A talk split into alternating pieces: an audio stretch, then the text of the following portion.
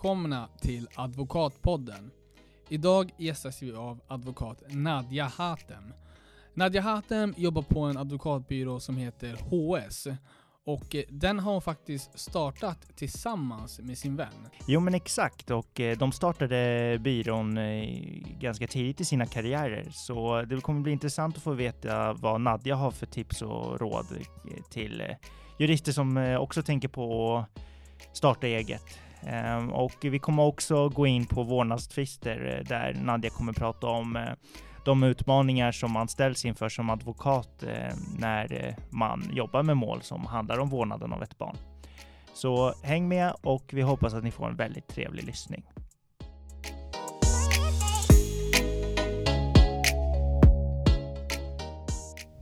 Varmt välkommen till Advokatpodden Nadja Hatem. Tack. Hur känns det att vara här idag?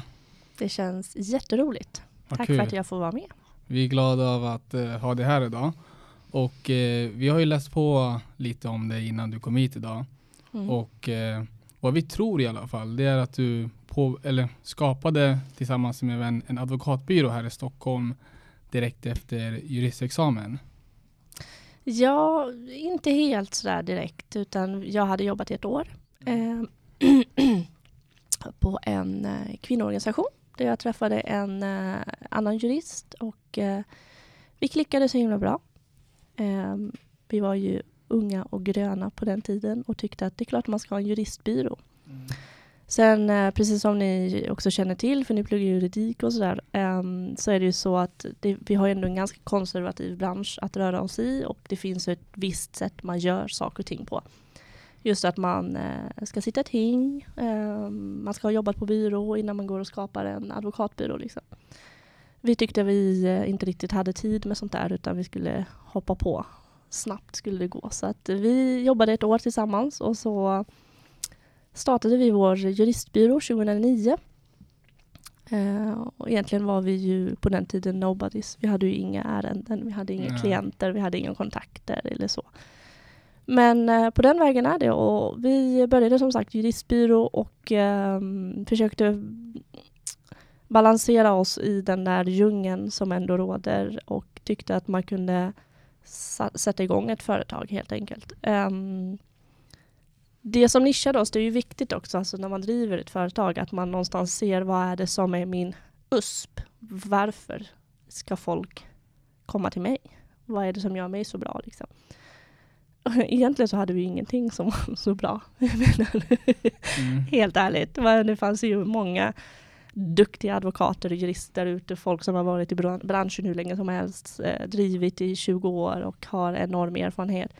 Det enda vi såg på den tiden var ju helt enkelt våra språk, för vi insåg ju någonstans att människor vill ju gärna prata sina modersmål mm. när man befinner sig i en eh, i, en eh, tvist eller liksom en kris som ändå humanjuridiken handlar om i slutändan. Um, så att det var ju då vi tänkte att nej, men vi säljer våra språk, det är vår nisch. Så. Uh, och det här var 2009, det, det, var liksom ändå länge sedan. Idag finns det ju väldigt många människor som jurister som talar andra språk, så det är ingen nisch så. Mm. Uh, men på den tiden var det så i alla fall. Att, och det, det gav oss en bra skjuts framåt. Um, fyra år senare ungefär så lyckades vi eh, ja, göra advokattentan och eh, bli advokater och omvandla till advokatbyrå. Så att eh, det är fortfarande samma grundare och delägare idag. Mm. vi har vågat nischa oss ytterligare inom humanjuridiken. Humanjuridiken är ju brett. Um, när vi började så var vi ju en allmän praktiserande juristbyrå. Det är ju inte särskilt bra. Man kan liksom inte vara bäst på allt. Så att vi förstod ju det efter ett och ett halvt, två år. Så att nej, men vi måste någonstans bestämma oss. Och då valde vi humanjuridiken. Mm. Även, även humanjuridiken kan man inte riktigt navigera sig i allt. Utan man måste någonstans också bestämma sig för vad ska jag vara riktigt bra på? Och vad, vad är det jag tycker är kul? Så att um, vi försöker nischa oss allt eftersom nu. Och um, idag jobbar vi mest då med, med familjerätt. Um, brottmål och eh, migration. Det är mm. de tre. Liksom. Och sen del tvångsvård, men inte särskilt mycket skulle jag säga. Mm. Mm. Ja, det, är, det är väldigt uh, intressant historia och väldigt inspirerande.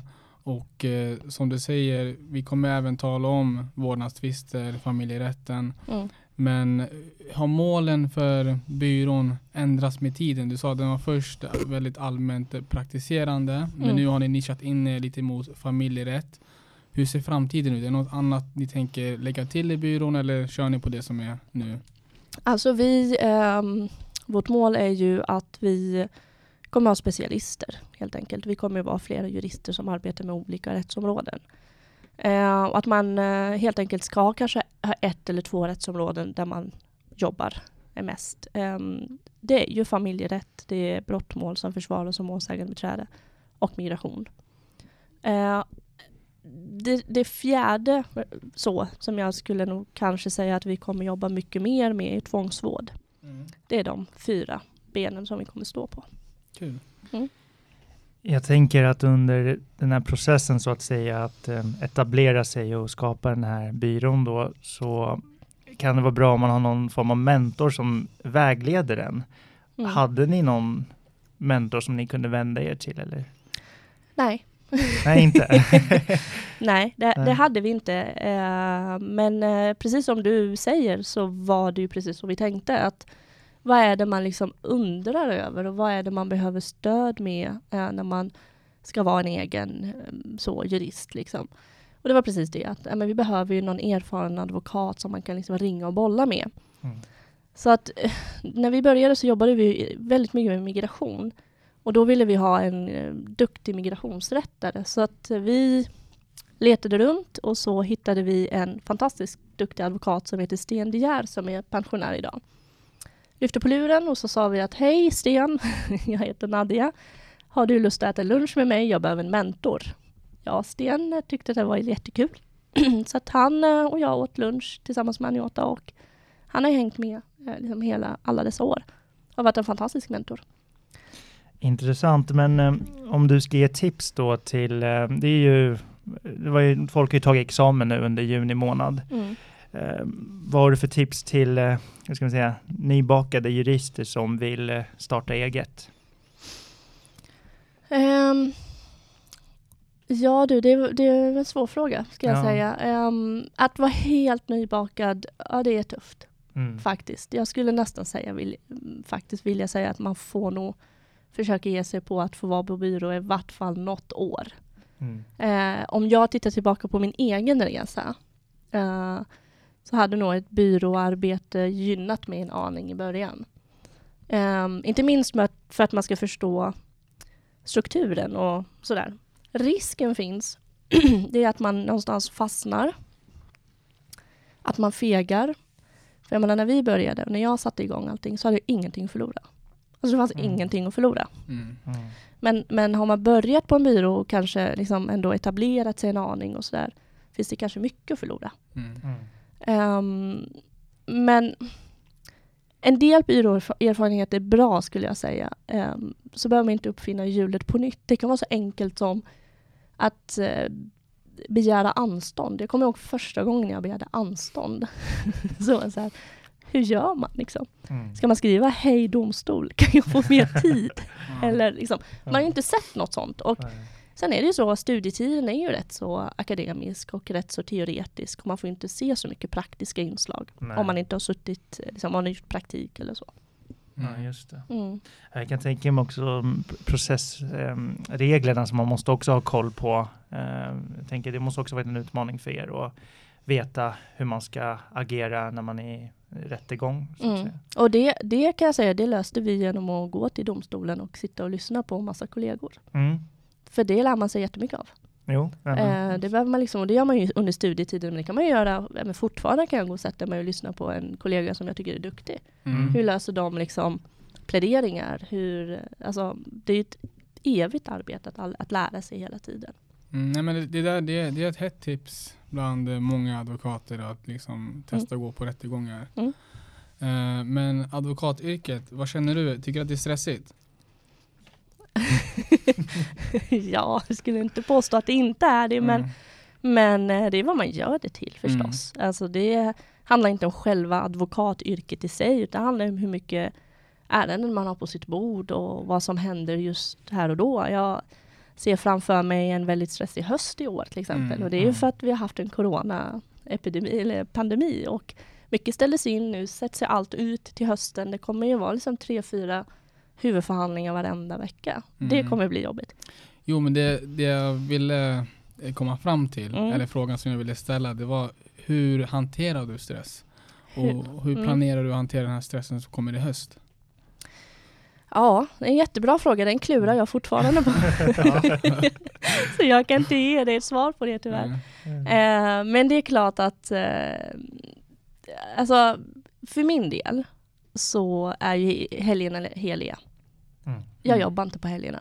Mm. Så enkelt är det. det, det är för liksom, Såvida jag inte har häktade mål. Alltså, så. Mina häktade klienter, de jobbar jag dygnet runt för. Av den anledningen att särskilt häktade med restriktioner, jag är den enda de kan prata med.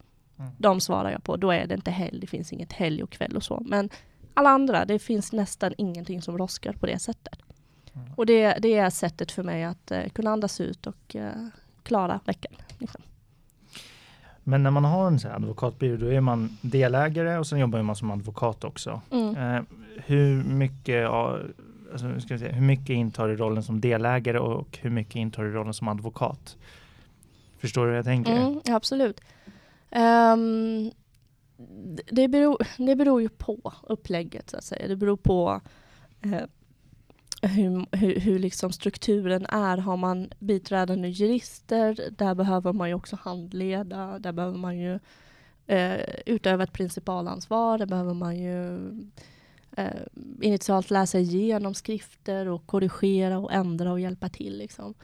Sen har man själv, självaste delägar, så de, delägarrollen som handlar om att driva företaget egentligen och Mm. eh, tex- tänka på expansion eller in, att gå ner också. Man behöver, alla måste inte expandera konstant utan det är ju väldigt roliga jobbet skulle jag säga. Jag älskar ju att eh, driva företag. Jag tycker att det är, jag har väl alltid tyckt det och jag skulle också kunna driva egentligen vad som helst. Så råkar jag ju vara advokat.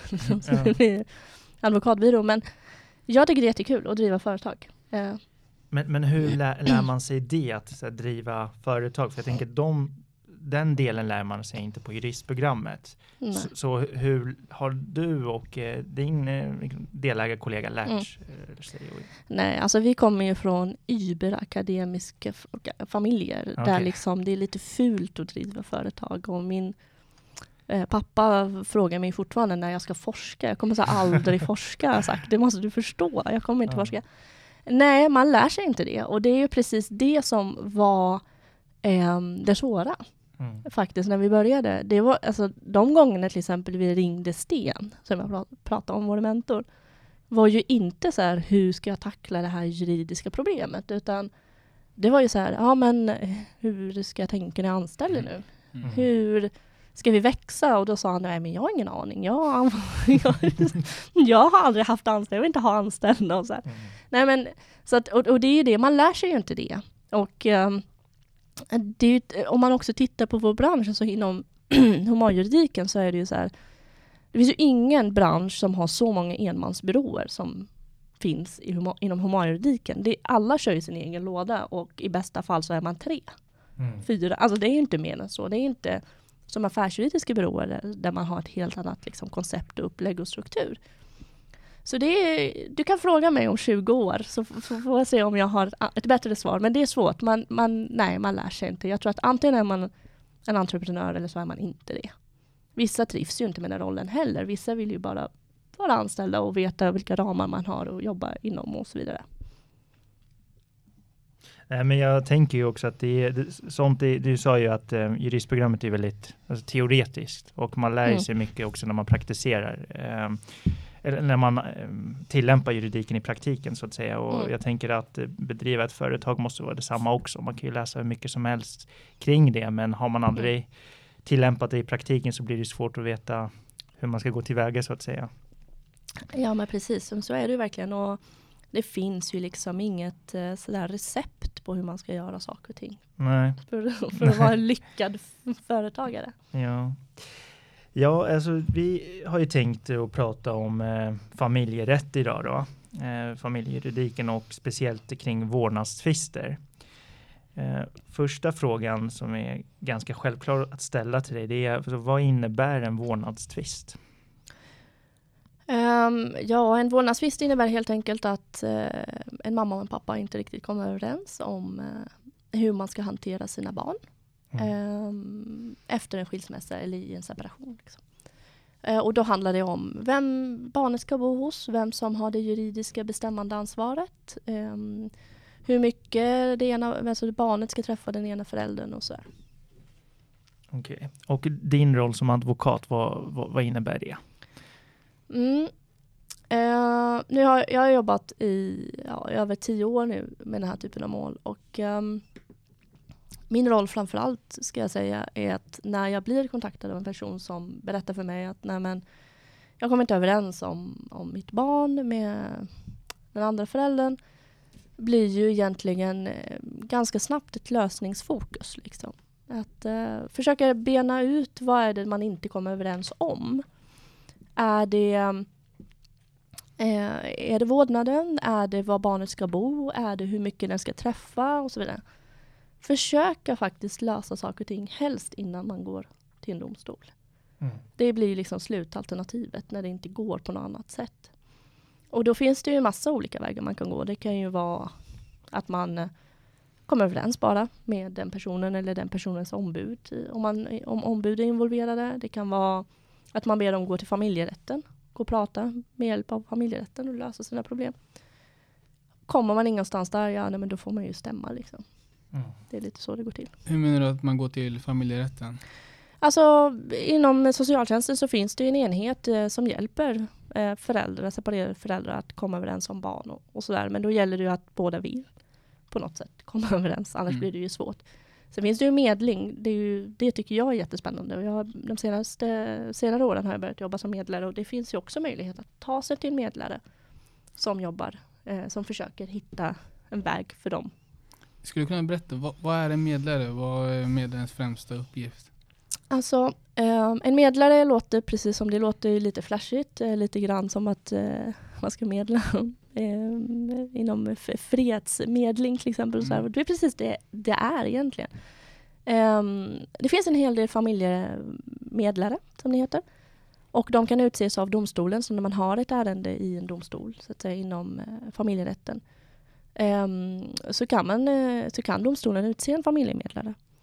Och då är det alltså en person, oftast är det en advokat, men det behöver inte vara det. Det kan ju vara en, en psykolog eller något annat som har den utbildningen och så eh, som kallar på parterna och på, no på något, alltså på ett eh, genom olika möten och genom olika upplägg eh, få parterna att komma överens och lägga upp en plan för sina barn om hur saker och ting ska vara. Och då kan man till och med komma så långt att man finner en lösning och sen så skickar medlaren en eh, överenskommelse till domstolen. Domstolen slipper bestämma. Mm. Alltså min, min, fördom mot att vara medlare mm. eller advokat i de här ärendena mm. det är att det kan vara känslomässigt väldigt tufft. I och med att eh, i slutet av dagen så handlar det ju liksom om ett barn som hamnar emellan två vuxnas eh, konflikter. Mm. Eh, stämmer det? Är det känslomässigt tufft i vissa ärenden? Såklart. Ja. Um, det finns ju inga, alltså alla ärenden är ju unika. Ehm, man lär sig ju efter ett tag att utveckla ett sätt att arbeta på att man någonstans får liksom stänga dörren för dagen när man går hem. Så är det, annars klarar man sig inte. Liksom. Um, vissa ärenden kryper under skinnet på en mer än andra. Um, och sådär. Men eh, jag har klarat av att jobba tio år utan att vara helt liksom förstörd. Mm. Så. Men det är klart att det är känslomässigt och det handlar egentligen väldigt mycket i, i familjerättsliga mål skulle jag säga handlar mycket om ens klients stress och ångest och så som man behöver tackla som advokat. Mm. Så det är mycket terapisamtal man också utför med sina klienter och många gånger handlar det om att man behöver be, alltså man, man lyssnar på sin klient och så benar man ner det som går att göra någonting juridiskt av och det som inte går att göra juridiskt av heller. Och sen slutändan få klienten att förstå att det är det barnet vi pratar om och inte dig det är mycket saker som inte är rättvist inom, inom vår värld. Men i slutändan så är det barnets rätt till sina föräldrar. Mm. Nej, men jag, jag, har fått den bilden i alla fall. Jag vet att vissa advokater har sagt att eh, alltså, en advokat får mer hot och hat när det gäller familje eller vad säger jag, vårdnadstvister än vad det gäller brottmål. Mm. Eh, för att liksom, om, om du företräder ena föräldern och så att säga, den föräldern vinner och får vårdnaden, då tänker den andra föräldern att ja, men, det är ditt fel Nadia, för att du har ju sett till så att jag inte, så att jag förlorar mitt barn till exempel. Mm.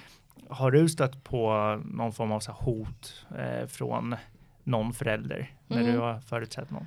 Alltså det, det är ju så, det känsligaste man har i sitt liv är ju alltid ens egna barn. Så att när det rör sig till barnen så tror jag att många människor tappar rim och reson. Mm. Ehm, ja, det är klart, det har ju hänt. Att jag har liksom stått i en paus, eh, i en muntlig förberedelse eller en huvudförhandling och att motparten har kommit och sagt saker. Mm. Eh, jag råkar ju prata arabiska också så det har ju hänt mig till och med in i rättssalen att jag har fått eh, där motparten ljudar kränkande innehåll till mig. Jag förstår ju det, ser ju det liksom. Men då har jag stoppat, då har jag sagt att nu har jag, nu, nu får vi stoppa liksom för att nu Mm framförs det diverse saker. Liksom. Det är klart att det har hänt eh, och det, det brukar jag vara rätt så medveten om men jag försöker utveckla en strategi kring det där att när jag möter, alltså mycket handlar ju om kommunikation eh, i slutändan och jag tror, jag tror på en fredlig kommunikation och jag tror eh, ofta att när, när man liksom sätter sig i rättssalen att eh, då börjar jag med någon sorts eh, tal eh, till motparten, inte ombudet utan till motparten. Att det här handlar inte om att vi ska frånta dig dina barn. Eh, försöka nå den personen genom att vara en schysst medmänniska. Sen kan man ju göra, jobba hur mycket juridiskt man vill. liksom och vinna mål och så. Men jag tror ju inte, det finns liksom inte vinst och förlust i, i vårdnadsmål. Det är, jag ser inte på saker och ting på det sättet. Nej. Nej. Och sen hör man oftast det här begreppet med barnets bästa. Mm. Vad, vad innebär det när man säger barnets bästa? Ja, det, men det, det är utifrån varje, varje barn är unikt och varje barns bästa är ju unikt. Det finns ju inget rätt svar på det. Liksom, utan man brukar ändå säga att barnets bästa är ju alltid att ha tillgång till båda sina föräldrar i någon form. Mm. Ehm, ibland kommer man ju fram till att nej, men barnets bästa i just det här fallet är att i- inte ha kontakt med den ena föräldern till exempel. Om det finns en fråga om våld eller eh, alltså, ja, saker som barnet har utsatts för och sett och bevittnat och sådär. Så att det är ett väldigt luddigt begrepp um, och det slängs och fars med ganska ofta liksom i slentrianmässigt. Men i slutändan brukar jag brukar i alla fall använda det ofta att barnets bästa är alltid att ha tillgång till sina båda föräldrar i någon form och försöka jobba för det. Så det är liksom det som alltid, alltså skulle du kalla det en vinst att barnet får tillgång till bägge föräldrarna i nästan varenda fall eller skiljer det sig åt när man, eller känner du ibland att det är bättre att det är en förälder som har hand om barnet? Det beror på vilken sida jag står på förstås. ja. Bra svar. Eh, Men eh, det beror på. Men jag kan också säga så här att om jag får in en klient som säger till mig nej, men jag tycker inte eh, att det är rimligt att mitt barn ska vara hos den andra föräldern på helgerna till exempel. Nej, okej, men varför inte det frågar jag. Nej, men eh, därför att han eller hon eh, har det smutsigt hemma. Okej, men det är inget skäl. Mm. Så jag, jag försöker oftast ehm, även tala mina klienter till rätta. Så jag försöker, som jag sa innan, bena ner vad det är som är liksom det viktigaste och essentiella i målet. Skulle man då säga att nej, men han eh, eller hon har slagit barnen, Mm. att det finns våld, okej, eh, då kan vi börja röra oss på ett annat sätt, liksom en annan inställning. Mm. Så det beror på. Eh, Det jag tänker på är, vad är egentligen, du kanske redan har sagt det, men jag får ändå upp den här frågan i huvudet. Vad är det som egentligen det viktigaste? Är det klientens intresse eller är det barnets intresse när du företräder någon? Alltså det är klart att jag har ju, jag har ju en klient och jag ska ju företräda min klient. Eh, det är ju klientens inställning eller liksom instruktion jag har att följa som advokat, så är det ju. Men just när det gäller barn så måste man ju också vara resonlig i, sitt argument, alltså i sin argumentation. Att komma till domstolen och påstå en massa saker som, alltså, som man vet som advokat, det här, det här, det här är ju liksom nonsens, det gör inte jag. Men min roll blir ju att tala om för min klient att så här kommer jag inte säga. Så att är vi överens om det, och jag menar 99% av fallen så är man det, för de litar ju på sin advokat. så är det inga problem. Men är vi inte överens och klienten vill ändå att jag ska hålla på och säga saker som jag inte kan stå för, då kanske vi har lite förtroendeproblem och kanske inte fortsätter att arbeta med varandra. Mm. Finns det någon, eh, du sa att många använder barnets bästa väldigt ofta i nästan många olika argument. Men finns det någon slags generell bedömning man gör vad som är verkligen barnets bästa? Är det att, eh, till exempel som du tog upp tidigare, att barnet får tillgång till bägge föräldrarna eller? Ja, alltså det är klart att eh, det, det, är ju det som är med, med just eh, liksom föräldrabalken och um, frågor om barn och så här, eh, att barnets bästa ska alltid väga eh, ska sättas i främsta rum. Liksom. Um, men sen är det ju en, en bedömningsfråga i slutändan. Um, det finns ju ingen domare som vill fatta ett beslut i vårdnadsmål. Mm. Det är ju därför man också försöker jobba för en uh, samförståndslösning alltid. Det, det, men den frågan får man alltid och i min värld så försöker jag att alltid hitta en väg ut. Att hitta en samförståndslösning. Såvida det inte är som, som jag sa innan, såvida det inte är fråga om, om brott eller, eller så som mm. har förekommit. Jag tänker till exempel om barnet är ganska liten, låt säga fyra år gammal. Mm. Hur, hur, man vet ju inte vad barnets intresse är. Då får man väl ungefär, alltså. Det beror på vad det är för fråga man har mm. att göra med. Jag menar, det finns ju tre olika frågor inom just liksom, familjemål. Alltså det, dels har man vårdnads, vårdnads, alltså vårdnadsfrågan, sen har man boendefrågan och så har man umgängesfrågan. Vårdnadsfrågan är ju det här juridiska ansvaret. Att föräldrarna ska kunna komma överens om att eh, barnet ska gå till den här skolan eller den här förskolan eller gå, fixa pass och så. Här. Kommer inte barn, eh, föräldrarna överens om det, ja men då finns det ju skäl till att ansöka om ensamvårdnad. Så har man boendefrågan och sen har man umgängesfrågan. Var ska barnet bo? Vad är bäst för barnet? Var går den i förskolan? Är det rimligt att barnet ska bo i en stad och pendla till en annan till förskolan? Alltså det är en massa sådana praktiska frågor så det är jättesvårt att säga. Mm. Just utifrån ett fyraårigt barn. Men det beror på vad det är för frågeställning man har att göra med. Ja, alltså du, tog ju, du tar ju upp eh, intressanta saker. Alltså, vårdnaden, man måste tänka på boende och umgängesrätten då så att säga. Mm. Om vi, vi tar en i taget, om vi går in på vårdnaden. Mm. Eh, vad, vad, innebär det att man är vårdnadshavare? Um, det är ju så att i, i svensk lagstiftning har man varit gift och så ansöker om, om skilsmässa och har barn så har man per automatik gemensam vårdnad. Mm. Uh, Såvida man inte ansöker om ensam vårdnad. Så att säga. Um, och som gemensam vårdnadshavare då ska ju föräldrarna vara överens om saker som rör barnet. Alltså, ska man registrera barnet i en skola då måste ju båda två skriva under. Ska man eh, ordna ett pass då ska ju båda två skriva under. Vägrar en förälder, ja då får man, kan man inte fixa ett pass till barnet. Mm. Passfrågan är en sån här sak som ju ofta blir aktuellt att ja, men de vägrar skriva under, då får man ju ansöka om ensam vårdnad. Men då kan det ju komma som motargument, ja men eh, den föräldern vill ju kidnappa barnet. Mm. så då, börjar, då blir det ju ganska stort ärende av det hela. Liksom. Det finns bortförande risker och, och så vidare. Så att eh, vårdnaden är ju att föräldrarna ska komma överens helt enkelt. Det kan också vara så att man kan ha gemensam vårdnad men en vårdnadshavare då bestämmer att nej, men du kan få en fullmakt att bestämma de här sakerna så behöver inte jag vara med och signera en massa saker hela tiden. Det kan ju vara aktuellt till exempel om en förälder lever eller bor eh, bosatt utomlands. Så blir det att man kan tycka att det är lite mäckigt. Liksom. Jag tänker biologiska föräldrar är ju oftast vårdnadshavare till barnet, men kan man vara vårdnadshavare utan att vara en biologisk förälder? Ja, eh, det, det, absolut, det kan man alltså vara om man träder in. Eh, men det, det, det är ju via olika juridiska processer så att säga. Eh, det blir inte per automatik att man bara flaggar för att nu är jag vårdnadshavare så är jag det. Liksom. Så fungerar det, fungerar inte. Nej. Nej. Men eh, låt säga att en förälder förlorar vårdnaden av ett barn.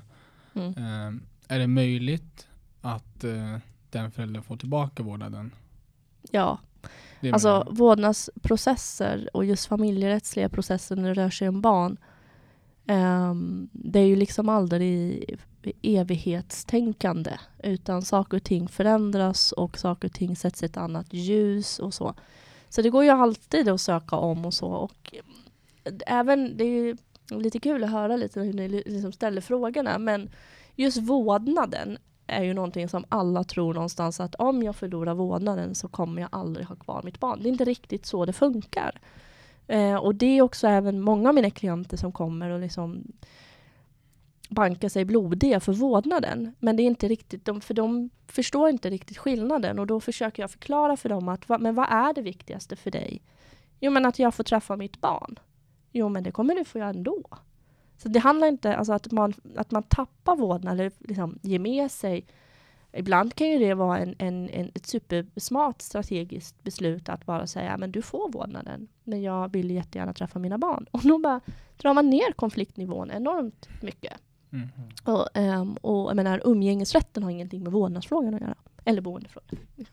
Men jag tänker, kan det inte handla mer också om att man, eh, ja men det är det här att man inte vill, eh, att den andra ska få mer makt. Eller det, det, kampen är ju mellan föräldrarna mm. så att säga. Så det handlar om någon så här prestigesak att man inte vill mm. förlora vårdnaden. För man vill inte ge den ena föräldern allt för stor makt. Även fast det handlar om att skriva under ett papper. Mm, precis, och det är ju det oftast det som är problemet i vårdnadstvister, tyvärr. Att föräldrar eh, är i, liksom, eh, i, i, världens eh, mest hetta bråk. Eh, och i en, eh, liksom, att man inte riktigt kan se eh, se på ärendet med klara ögon och titta på vad det egentligen handlar om utan att man är så prestigefylld och att man ska vinna mark och man ska visa minsann den andra att jag inte tänker ge med mig och så vidare. Så det handlar ju väldigt mycket om, och jag menar ju att vi, vår, om, alltså vår roll som ombud i den här typen av mål, att försöka tona ner, försöka, försöka liksom dra ner konfliktnivån. Um, och uh, inte liksom vara ett, ett språkrör för diverse anklagelser som inte har något med det med vad det handlar om egentligen att göra så att säga. Så att jag menar att vår roll just som ombud i den här typen av mål är super, super viktig. Att inte bara hålla på med att och, och liksom skrika högst. Ja, och sen tänkte vi då med det här med umgängesrätten. Vad innebär det? Att man har umgängesrätt? Umgängesrätt innebär att den föräldern som inte barnen bor med, uh, att barnen har rätt att träffa den föräldern på något sätt. Uh, träffa eller tala uh, telefon med eller brevumgänge eller att man träffas fysiskt uh, men med hjälp av socialtjänsten. Att man har umgängesstöd och så vidare. Så att det, det är ju helt enkelt barnets rätt till kontakt med, med den föräldern den inte bor med. Och jag tänker att barnets bästa kommer in igen också, för att jag vet inte om du kommer ihåg det Elias, men det var några rättsfall som man eh, gick igenom när vi väl läste mm, familjerättskursen och då var det att, om jag minns det rätt, att ibland kunde det vara så att barnet skulle träffa säg pappan till exempel, mm. men barnet själv ville inte träffa det. Mm. Men på något sätt så var barnet ändå tvungen att träffa pappan, för eh, även fast han eller hon själv inte ville det, för att man ansåg att det var barnets bästa. Mm.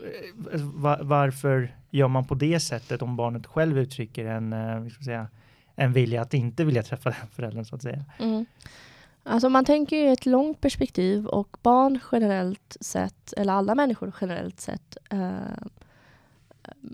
mår ju bäst av att veta vem ens föräldrar är och att man faktiskt har kontakt med båda sina föräldrar. Det är den generella bilden av det hela. Eh, sen beror det ju på barnets ålder eh, och mognad. Det är det man pratar om mycket i domstolen. Eh, jag menar, har man den gyllene åldern som man pratar om är ju 12 år. Eh, och att ett 12-årigt barn vet vad den vill oftast. Liksom, och att man ska lyssna på den och man ska respektera den.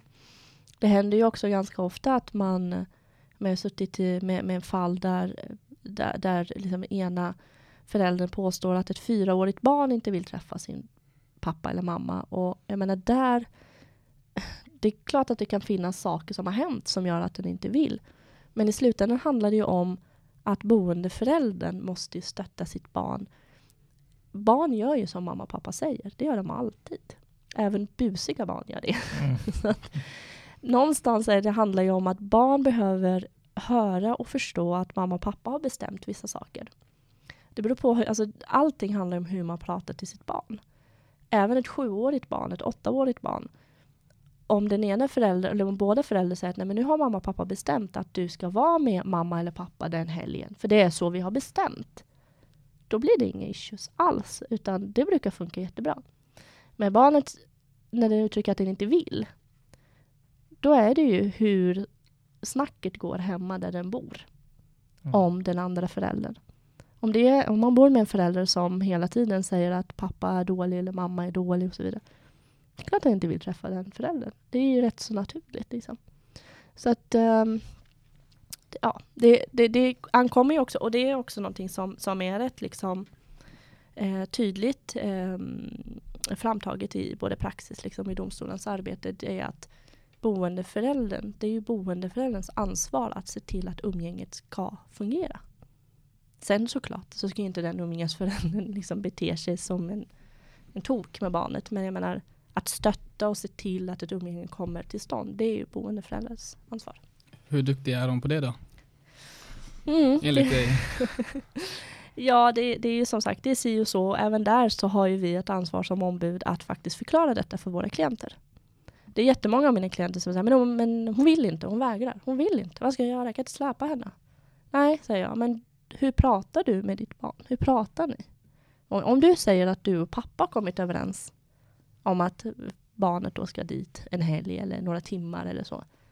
Då tror jag att det sjunker in. Liksom. Sen är det som sagt åldern. Åldern är viktig. Eh, och där pratar man också om så här nioåriga barn som eh, man ska lyssna på och respektera. Liksom. Man kan inte tvinga fram ett umgänge. Så är det. Mm. Ja, men alltså, det var nog allt för idag faktiskt. Mm. Eh, så stort tack för att du kom hit och gästade oss här på podden. Tack för att jag fick komma och berätta om familjerätten. Tack så mycket.